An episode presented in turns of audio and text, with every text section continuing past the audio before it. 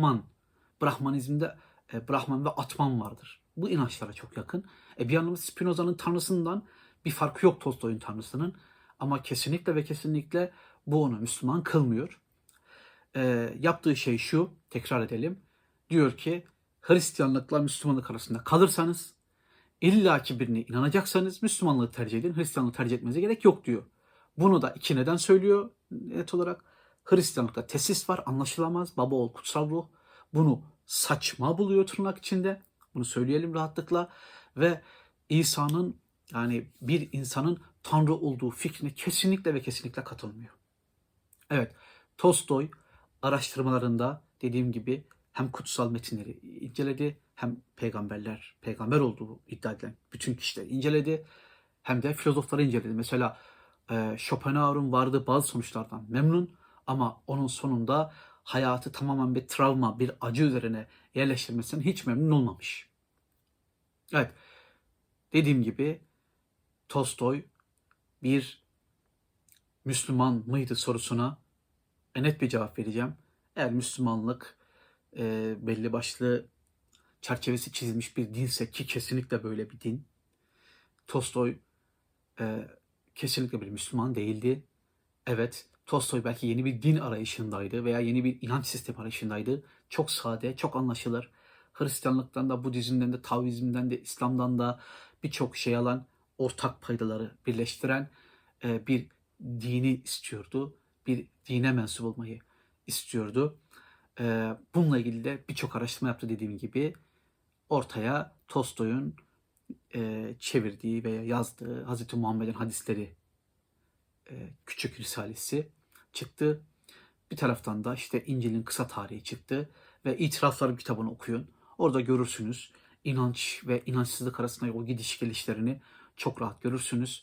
Aslında Tolstoy için inanmak, vicdan, vicdana inanmak, Tanrı'ya inanmak, Tanrı'yla var olduğunu inanmak bir kurtuluş reçetesi, e, ruhunun kurtuluşunun reçetesi ama kesinlikle örgütlü dinlerin veya dinlerin örgütlü tarafına ait bir düşünce değil. Tolstoy bir Müslüman mıydı? Özetliyorum. Değildi. Peki Tolstoy bir Müslüman karşıtı mıydı? İslam karşıtı mıydı? Kesinlikle değildi. Tolstoy e, İslam'a sempatiyle bakıyor muydu? Birçok yönüne evet ama bir tarafını da unutmayalım Hristiyanlığa birçok yönüne sempati duyuyordu. İncil'deki merhamet ve bağışlanma ayetleri onun hayatının en özel metinleri olarak karşımıza çıkıyor. Evet. Umarım bu soruya bir cevap verdi, verdiğim, e, vermişimdir, vermeye çalıştım. Ee, siz de bahsettiğim bu kitabı bulup bakabilirsiniz. Tolstoy hangi hadisleri seçmiş? İşte e, gerçek mümin e, iyi günlerinde şükreden, kötü günlerinde Allah'a sığınan sabredendir diyor. E, Allah bir kulunu severse ona fakirlik verir diye hadisler var. Çoğusunu bildiğimiz hadisler aslında.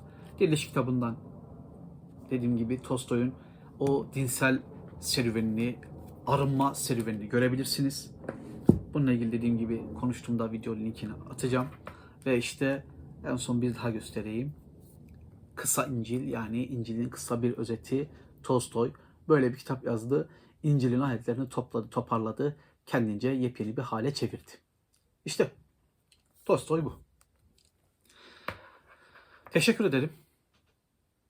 Ee, işinize yaradıysa, beğendiyseniz lütfen beğeni butonuna basın. Merak ediyorsanız bundan sonra ne konuşacağım abone olun. Ee, yine buralarda olmaya çalışacağım elimden geldiği kadar. Ee, yeniden görüşmek üzere. Sağ olun. Tolstoy e, önemli bir adam. Erik Fromm kadar önemli. Evet.